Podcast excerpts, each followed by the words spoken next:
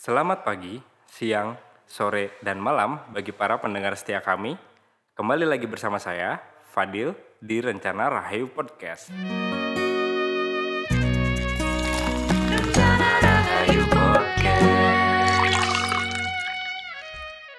Sejak akhir tahun 2019 hingga awal tahun 2020, skena kopi Nusantara kerap diramaikan oleh event kompetisi, baik skala lokal hingga nasional. Dari mulai fun battle, throwdown hingga yang mengadaptasi World Coffee Event. Salah satu event yang baru saja dihelat pada awal tahun 2020 ini adalah Indonesia Coffee Event yang diadakan di Jakarta tanggal 12 sampai 15 Februari 2020. Kali ini, saya akan membicarakan banyak hal mengenai kompetisi nasional bersama kawan saya, seorang pegiat kopi, seorang roster, trainer, coach, dan judge yang telah malang melintang di dunia kopi ini. Kami hadirkan Mas Andri Mahardika.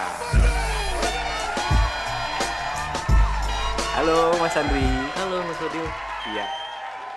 Ah, Mas Andri, eh, sebelum eh, kita ngobrol tentang kompetisi, itu aku pengen pengen ini dong, pengen eh, ngasih tahu sama teman-teman juga, gitu. Mas Andri itu sebenarnya eh, berkarir ya, berkarir, berkarir di dunia kopi itu sejak kapan, jadi apa, terus eh, sejarahnya kayak gimana, bla bla Oke bla. oke. ah.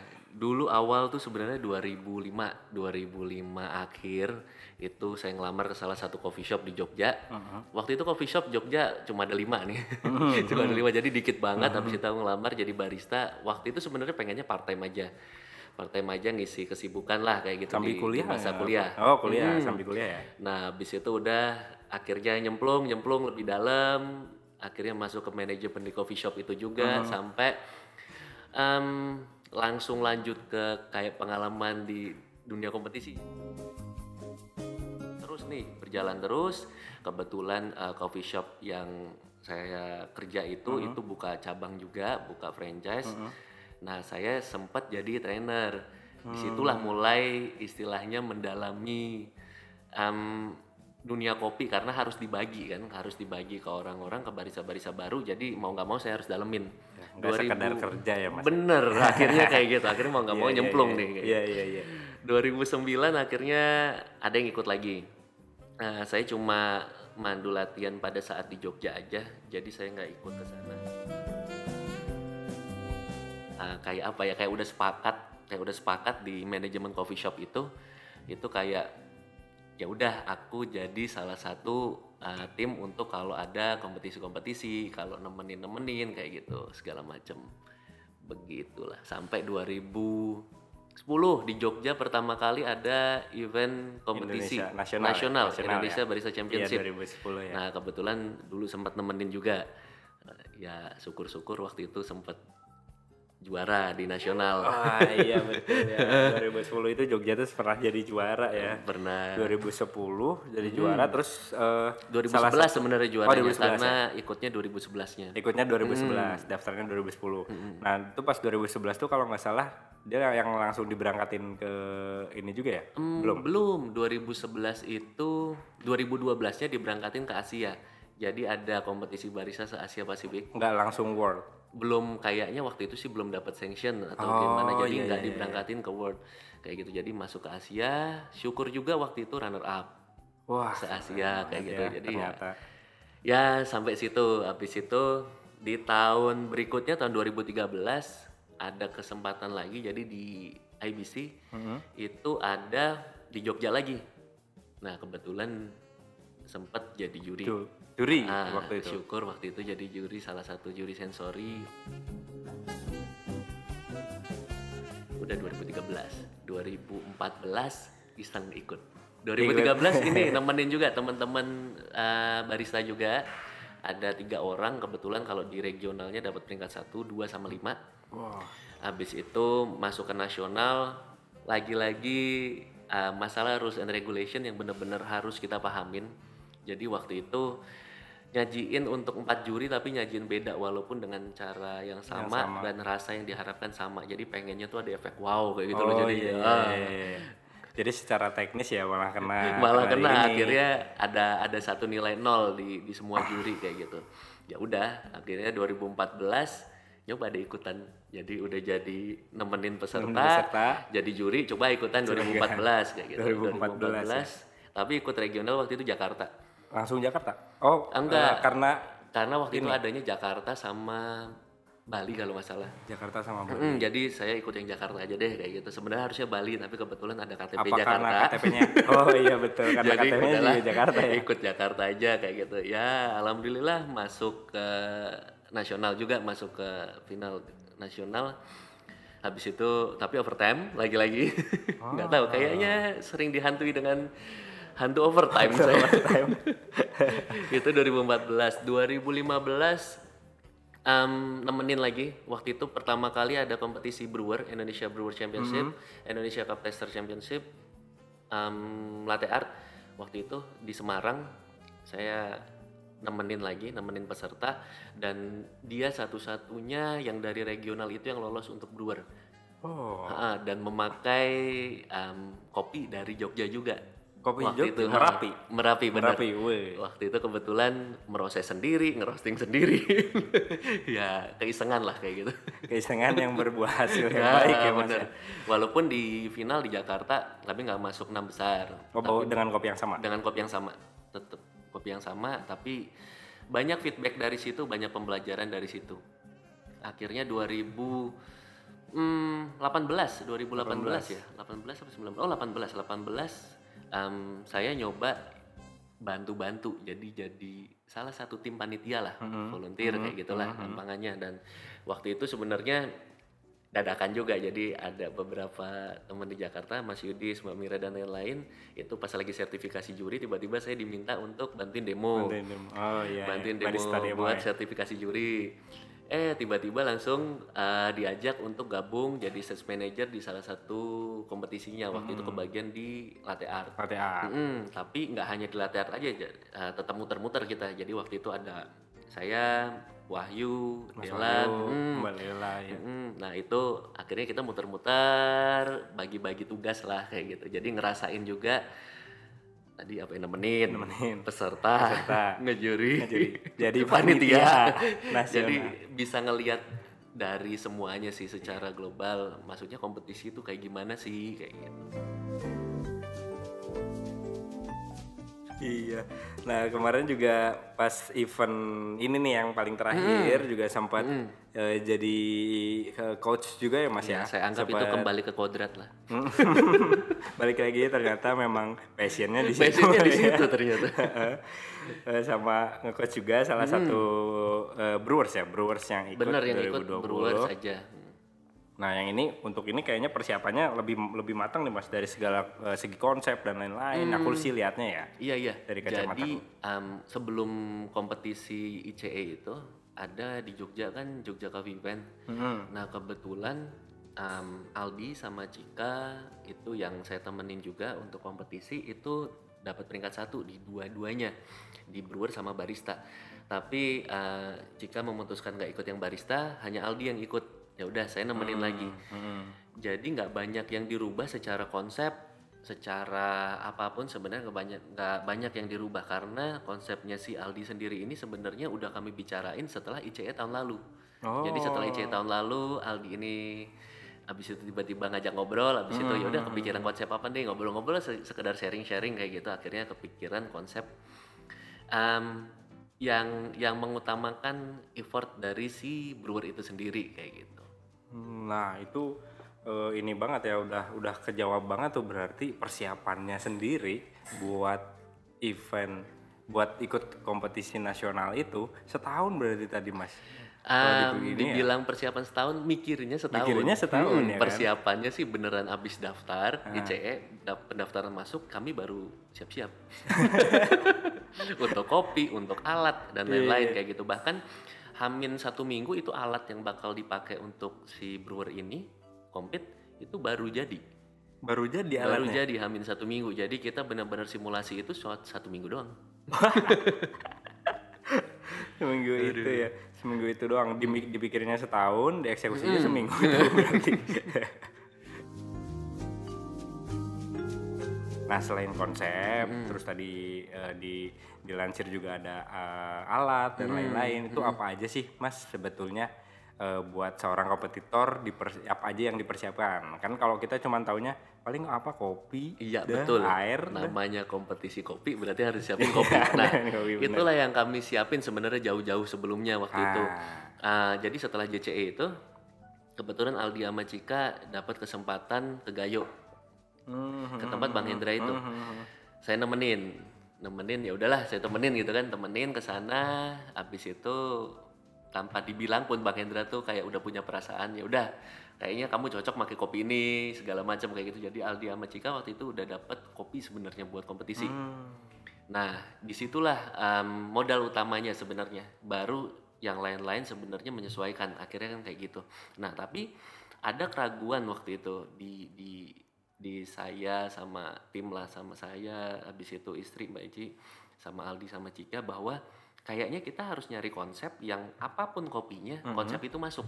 Hmm. Akhirnya kita nonjolin konsep dari effort si brewer itu sendiri. Jadi mau kopinya nanti mau pakai apa itu masuk. Konsep itu tetap Eh, masuk. konsep itu ya. Jadi sebenarnya- universal gitu ah, konsepnya ya. Keraguannya itu gara-gara Bang Edra ngasih pilihannya banyak bener. Kopinya keren-keren lagi kayak gitu kan.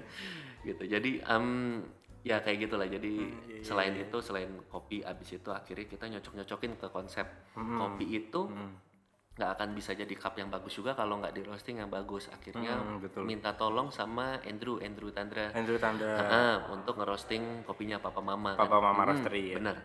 Itu ngerosting kopinya dan ya kami emis juga maksudnya, wah se- sekeren ini kopinya. Da- tapi kopi itu juga lagi-lagi datang Mm-hmm. em, Hamin Hamin 14 lah, dua Hamin mingguan lah, 14. dua mingguan sebelum Green kami komplit. datang Roastbean-nya, ke roastbean-nya Bang udah- Andrew. Ah, Oh, habis itu langsung di roasting, Roastbean-nya itu langsung hmm, langsung di roasting dua tanggal 27 kalau nggak salah waktu itu.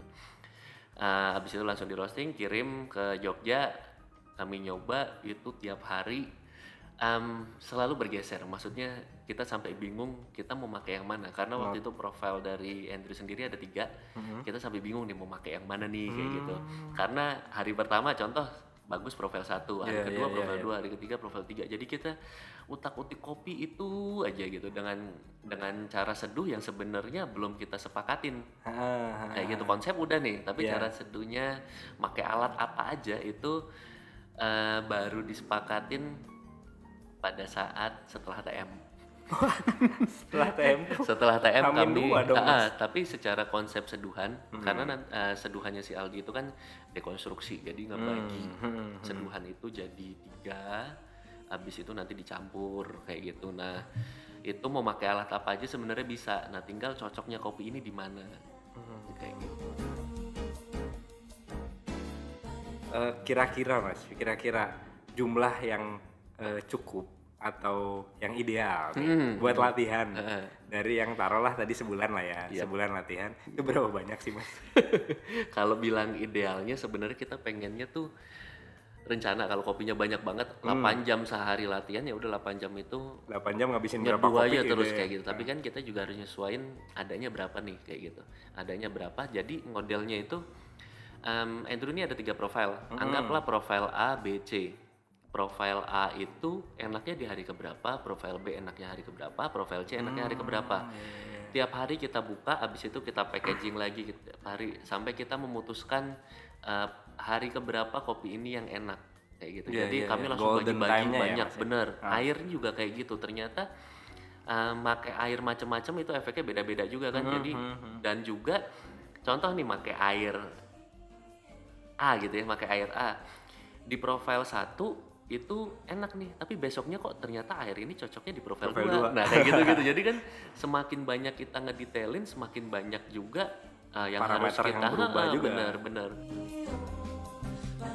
Nah dari dari oh kemarin tapi tapi kemarin tuh berapa banyak kopi yang datang dari Bang Hendra tuh? hmm, kalau nggak salah ada 6 kilo apa 9 kilo gitu 9 kilo, 9 kilo doang ya, 9 kilo doang dipakai latihan berhari-hari itu. berhari-hari bener Nah, Iya. eh, eh, banyak juga nih yang yang eh, eh, menanyakan gitu Iya. kan. aku aku sih kalau orang nanya ke aku aku mungkin belum begitu pengalaman ya mas ya tapi eh, mereka tuh selalu worry sama budget Oke. selain dari satu pendaftaran dua ah kopi kompetisi kan nggak mungkin kayak kopi-kopi yang biasa aja kayak gitu. Mereka mikirnya wah ini harus di trade bla bla bla. Otomatis yang dipikir adalah duit lagi tuh mas. Iya Nah, benar benar. Benar itu, kayaknya kalau momok utama. iya betul. Nah untuk eh, brewers dan dan juga barista berarti dua-duanya nih itu sebetulnya seirit-iritnya atau seirit-iritnya tuh berapa sih mas? Buat kompetisi nasional aja. Seirit-iritnya adalah kita modal untuk pendaftaran, berangkat, tinggal di sana, habis itu pulang selamat. Dan sebenarnya kayak gitu. Karena eh, gini, em, kalau kita ngomong modal, kalau kita pengen banyak bisa. Bisa, Kita sangat bisa pengen ya. sedikit ternyata bisa. Karena ada tim.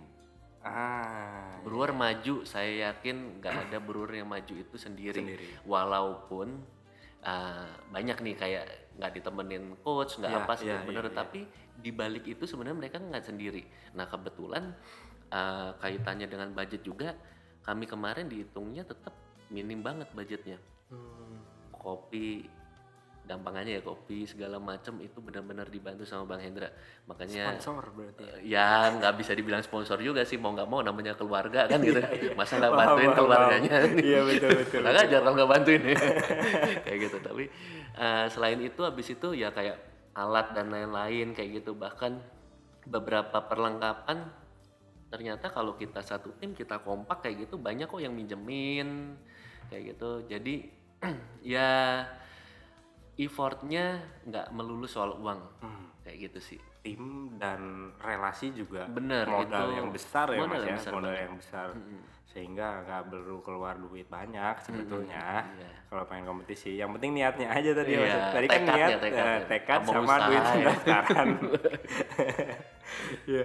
nah eh ini eh, ke kompetisi nasional dulu nih mas Hmm. nah kemarin kan kita sempat datang juga nih iya kita sempat datang sempat nonton beberapa juga Hmm, walaupun gak semuanya gitu nah kemarin kok banyak banget ya yang pakai Geisha Eh, di 2020 ini Betul, sebenarnya saya nemuin Geisha itu dari 2015.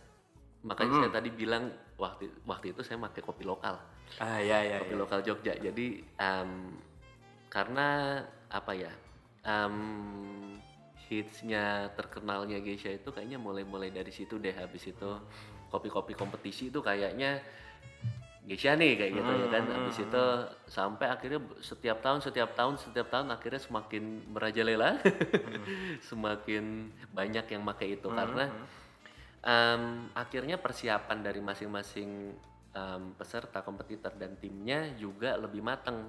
Lebih matang itu dalam artian lebih jauh-jauh hari untuk Iya, nabung iya, beli iya, Geisha dan Iya, lain-lain. iya, atau iya. memang basicnya memang udah punya atau gimana kayak gitu. Karena uh, kita lihat kompetisi dunia pun ternyata uh, kopi-kopi itu juga punya posisi di kompetisi dunia Ah, kayak gitu. akhirnya betul. mungkin um, teman-teman kita yang dari Indonesia ini juga melihat itu melihat peluang itu. Hmm. dan memang um, secara scoring, secara uh, penilaian kayak gitu akan sangat terbantukan. Oleh si Geisha itu? Oleh si Geisha ataupun kopi lain. Sebenarnya nggak hanya Geisha ya Iya, kayak kan, gitu kayak kayak uh, dulu Brazil tuh yang Brazil, 2018. ha, Oh, CMI iya, gitu iya, kan nggak pakai Geisha juga gitu. Tapi uh, kopi ini juga lah kopi extraordinary Kopi-kopi, juga lah iya. itu competition series ya competition kalau- series lah itu. Kalau di cupping room tuh competition series. Bener bener bener nah kayak gitu sih. Tapi maksudnya um, terbukti di 2018 19 2020 kemarin ini gitu tetap ada yang pakai kopi Indonesia tetap ada yang uh, istilahnya mengusahakan kopi Indonesia Iya. walaupun memang di 2020 nggak ada yang masuk final untuk brewer kopi Ah, iya, Indonesia untuk brewers, tapi iya. untuk barista Untuk kita barista ada lihat ya. Yang um, juara itu. Miki pakai Flores iya. untuk signature sama apa milknya Sama kayak base, gitu ya. Raymond juga kayak gitu Ah, ternyata um, ada ada posisi juga nih kopi Indonesia kan Bersaing ternyata ya, Mas, ya? bersaing Bersaing. banget kayak gitu tinggal gimana kita approach untuk kopi itu lebih baik aja Hmm, kayak gitu tapi memang gimana ya kalau waktu itu eh, sempat kepikiran, sempat kepikiran bukan bukan untuk make, tapi sempat kepikiran bahwa eh, kalau kita beli kopi luar competition series tuh kayaknya ngirit. Terlihat mahal, tapi sebenarnya ngirit karena kayak apa ya? Kayak ah udah skornya bagus nih Oh kayak gitu dan iya, kita nggak perlu beli perlu banyak, nggak perlu riset lagi kayak gitu istilahnya nggak akan pakai banyak banget kopi Hmm, kayak gitu. Jadi mungkin uh, hal-hal kayak gitu juga dilihat oleh kompetitor-kompetitor lain juga. Hmm, hmm.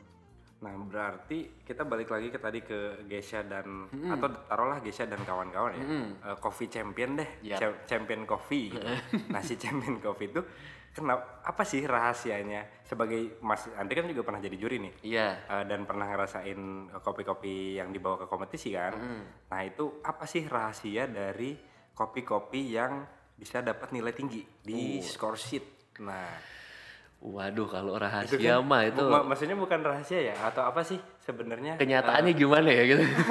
poin-poinnya mas Benar, Poin-poin misalnya eh, apa sih oh kopinya ternyata harus balance Yap. atau harus apa gitu Ya, uh, mungkin bisa kita bedah dikit dulu ya. Iya, Maksudnya iya, uh, di kita 2000, kita buka score sheet nih mas pura-puranya walaupun kayaknya udah hafal banget nih, Mas Andri. 2019 itu kan ada rules yang link to origin. Iya, link di to mana origin, kopi dari daerah mana pun itu punya peluang sebenarnya nggak hanya Geisha. Tapi di luar itu, di luar acidity sama Hmm. body yang link origin itu acidity sama body itu kali dua ya kalau di score sheet kalau di brewer. Mm-mm. Mm-mm. Terus kalau di barista kopi Indonesia biasanya menang di tactile. karena Ah, ya ya ya tekstur uh, juga ya. weightnya kayak Weightnya gitu. berat, Habis ya. itu kalau dicampur ke susu kayak gitu makanya beberapa tetap pakai kopi itu untuk milk Untuk sama milk base, signature sama kayak gitu. signature, Hmm. ah. Nah, terus kalau untuk brewer sendiri hmm, ada penilaian kalau diurutin ya aroma, Hmm. flavor, aftertaste, acidity, body, balance, overall. Ya kayak gitu. Nah, dari aroma sendiri gitu ya kan, maksudnya kopi Indonesia tuh saya akuin, saya pribadi nih ya, saya nggak bisa bawa uh, banyak orang juga, saya pribadi di sini ngomong kopi Indonesia itu kompleks, kompleks banget. Itu, Aku juga setuju, Mas. Setuju ya, setuju. Setuju. kompleks banget. Kita dapat rasa macam-macam kayak gitu. Iya. Tapi ternyata em, gini deh, awamnya gitu ya, awamnya kita akan hirup kopi Indonesia itu aku dapat apa mungkin Mas Fadil dapat apa beda. Hmm, hmm, karena hmm, pengalaman bisa, rasa bisa. kita beda-beda. Betul betul. Nah lucunya kopi-kopi apa champion series Hmm, ya? itulah pokoknya ya. Itu dia bisa bikin kita sepakat. Ini aromanya melati aromanya uh, jasmine tea botolan nih. Habis itu aromanya blueberry. Blueberry. Kayak gitu. Kita bisa sepakat dan berarti itu namanya pronounce kan? Pronounce betul, pada betul. saat quality good quality habis itu dia pronounce otomatis nilainya tinggi. Dari aroma flavor segala macam. Karena yang disebutkan oleh kompetitor nyampe ke nah itu nantinya akhirnya ada di penilaian sendiri. Ada namanya test description. Oh ya di, di bawah situ itu ya. hmm, di bawah itu juga bikin nilainya tinggi. Karena apa yang si brewer itu bilang beneran nyampe. Tembus. Tembus. Sementara kopi Indonesia itu saking kompleksnya akhirnya kita bakal ngomong banyak rasa nih.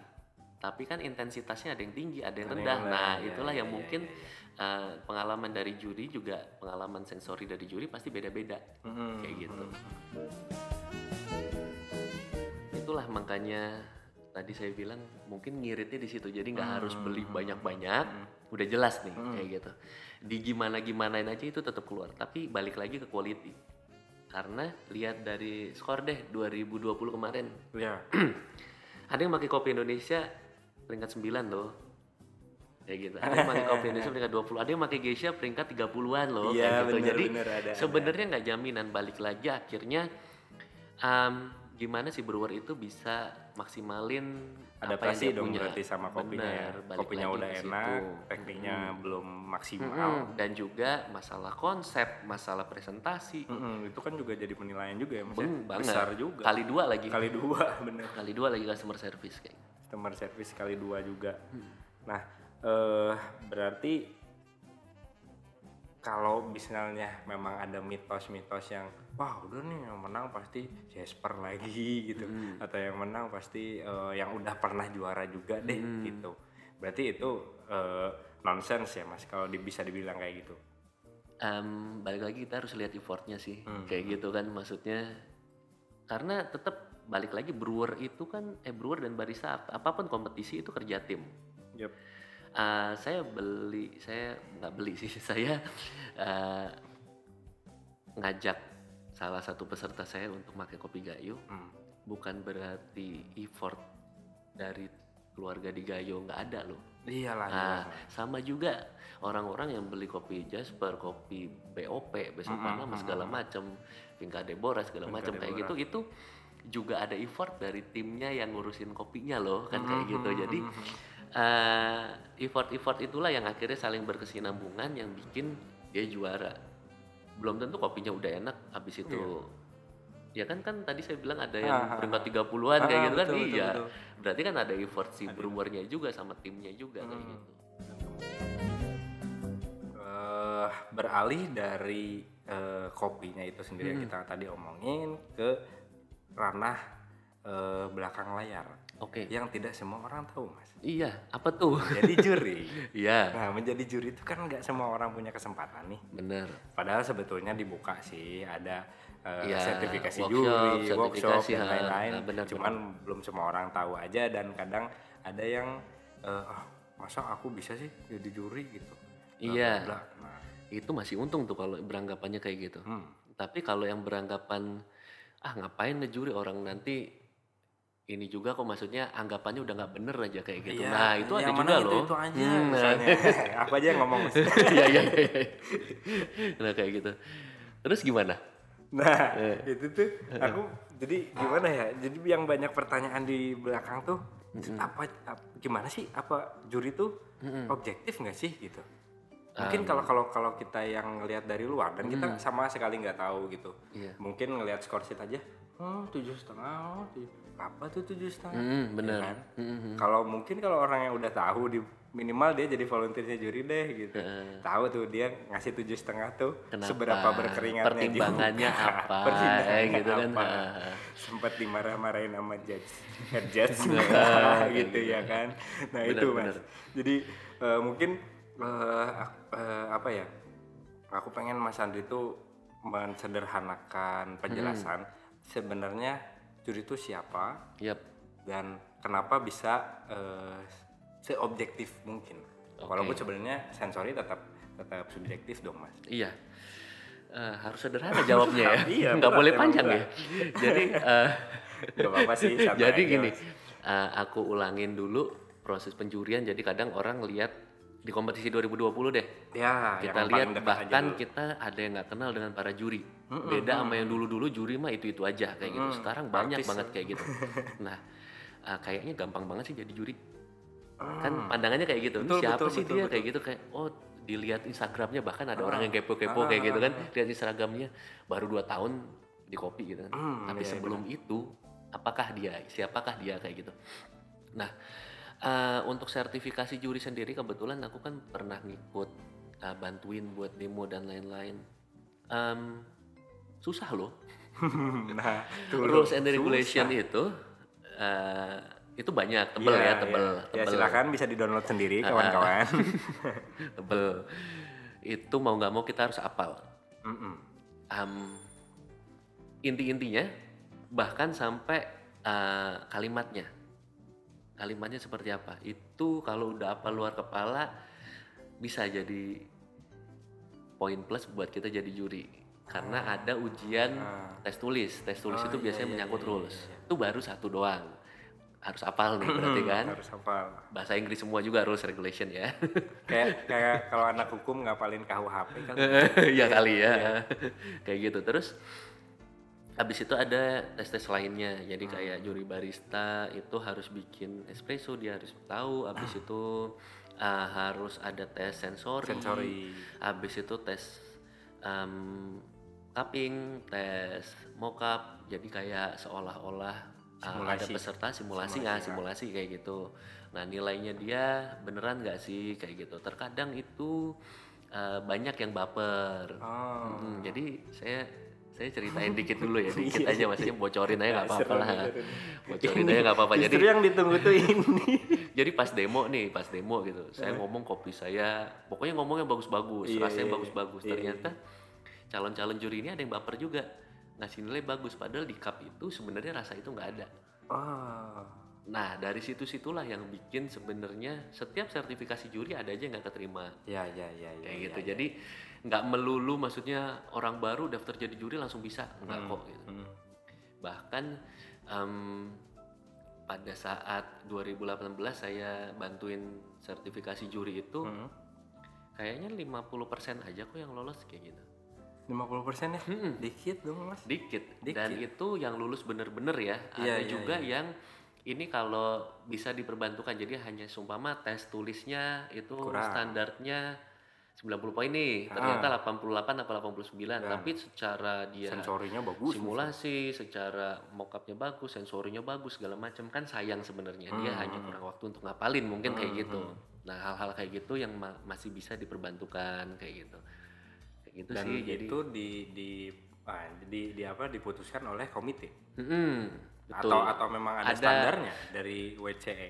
ada standarnya dari Ada WCE standarnya. pasti ah, tapi yang dipasrahkan untuk ah, tiap-tiap event contoh ICE gitu ya kan Hmm. waktu itu em, ada apa beberapa orang yang memang dia ngelola itu gitu Oh, kan. iya, iya, iya, Hmm, iya, tapi tetap juri-juri lain juga datang untuk memantau untuk ngontrol apakah ini layak untuk jadi juri di kompetisi selanjutnya nah kayak gitu nah pada saat kompetisi pun itu selalu kan ada head judge Mm-mm. selalu ada head judge jadi judge pasti selalu ah bocoran aja. Jadi head judge tuh selalu bikin bingung juri. Gampangannya kayak gitu. Iya. kita udah ngasih Amin, nilai Mas, udah amin. yakin banget. Udah ngasih yakin nilai banget sama head judge-nya beneran itu segitu. Notesmu kayak gini-gini loh masa Hmm. nilainya segitu Aku nyoba cup yang ini tempatmu lebih enak loh. gitu ini ya.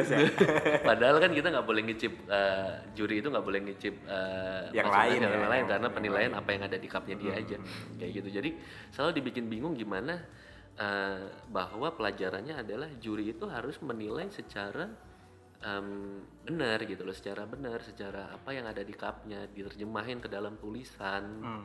baik itu notes, tulisan, catatan, pokoknya yang sifatnya nggak coaching ya. Habis itu sama nilai Nilai. apakah itu benar gitu berhubungan gitu notesnya bagus-bagus nilainya kok Bagus-bagus, rendah, rendah. kenapa Oh, iya, iya, iya, ada intensitas ada kualitas dari masing-masing cup yang itu juga dinilai kayak Hmm. gitu jadi uh, susah gitu apalagi nasional gitu ya kan nasional ada rep judge ada repnya ada representative judge dari WCE Oh iya. iya, nah iya, iya, itu head judge aja bisa dimarahin tuh. Mungkin kayak gitu ya mungkin Iya, kayak gitu masih tapi uh, beliau-beliau itu kan yang kontrol jalannya penjurian. Kayak gitu.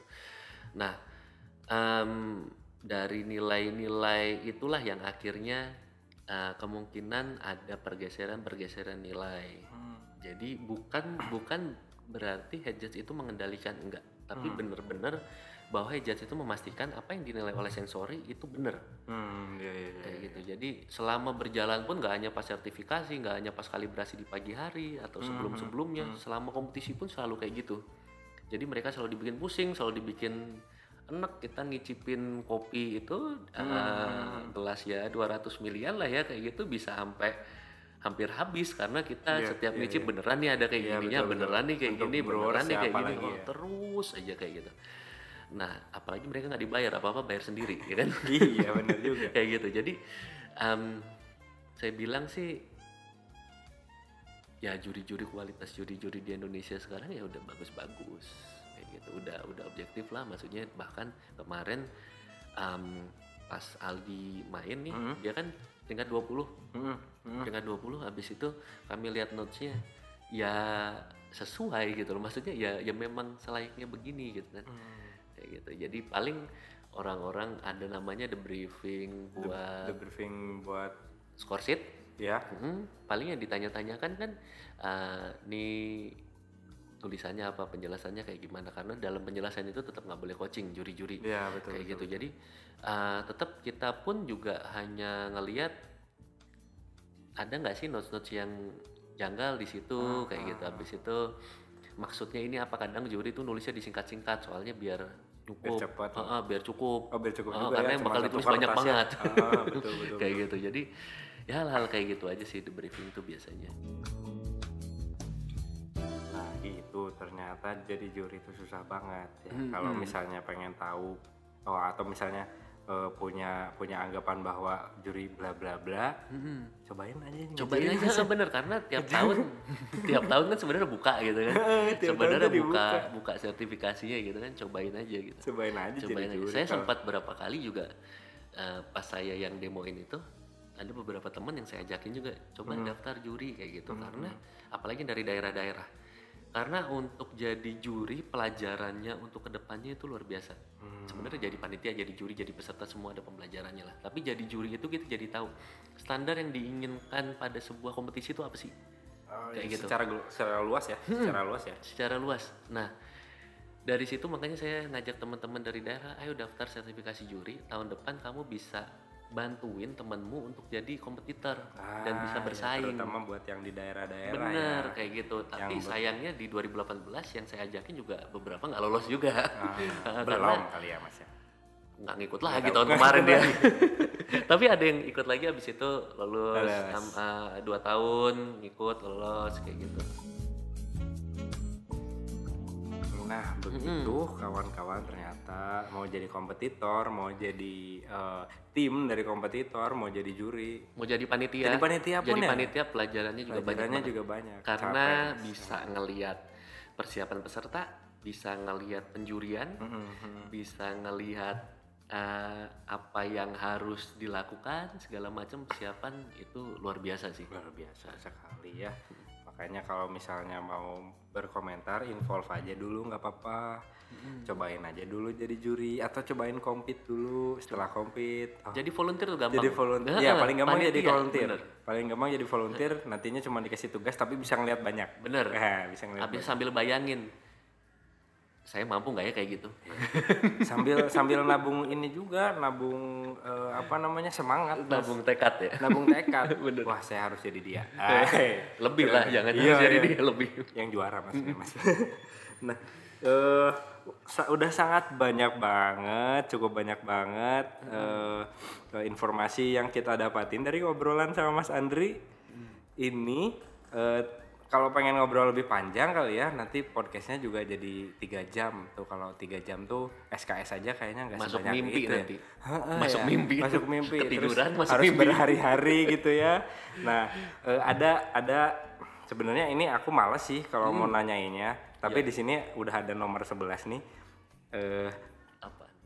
pertanyaan terakhir Iya, pertanyaan terakhir walaupun sebenarnya tadi udah terjawab sih mas nggak apa-apa. cuman katanya di sini tolong urutkan ketika ketiga hal tentang privilege eh, di dalam kompetisi buat seorang kompetitor.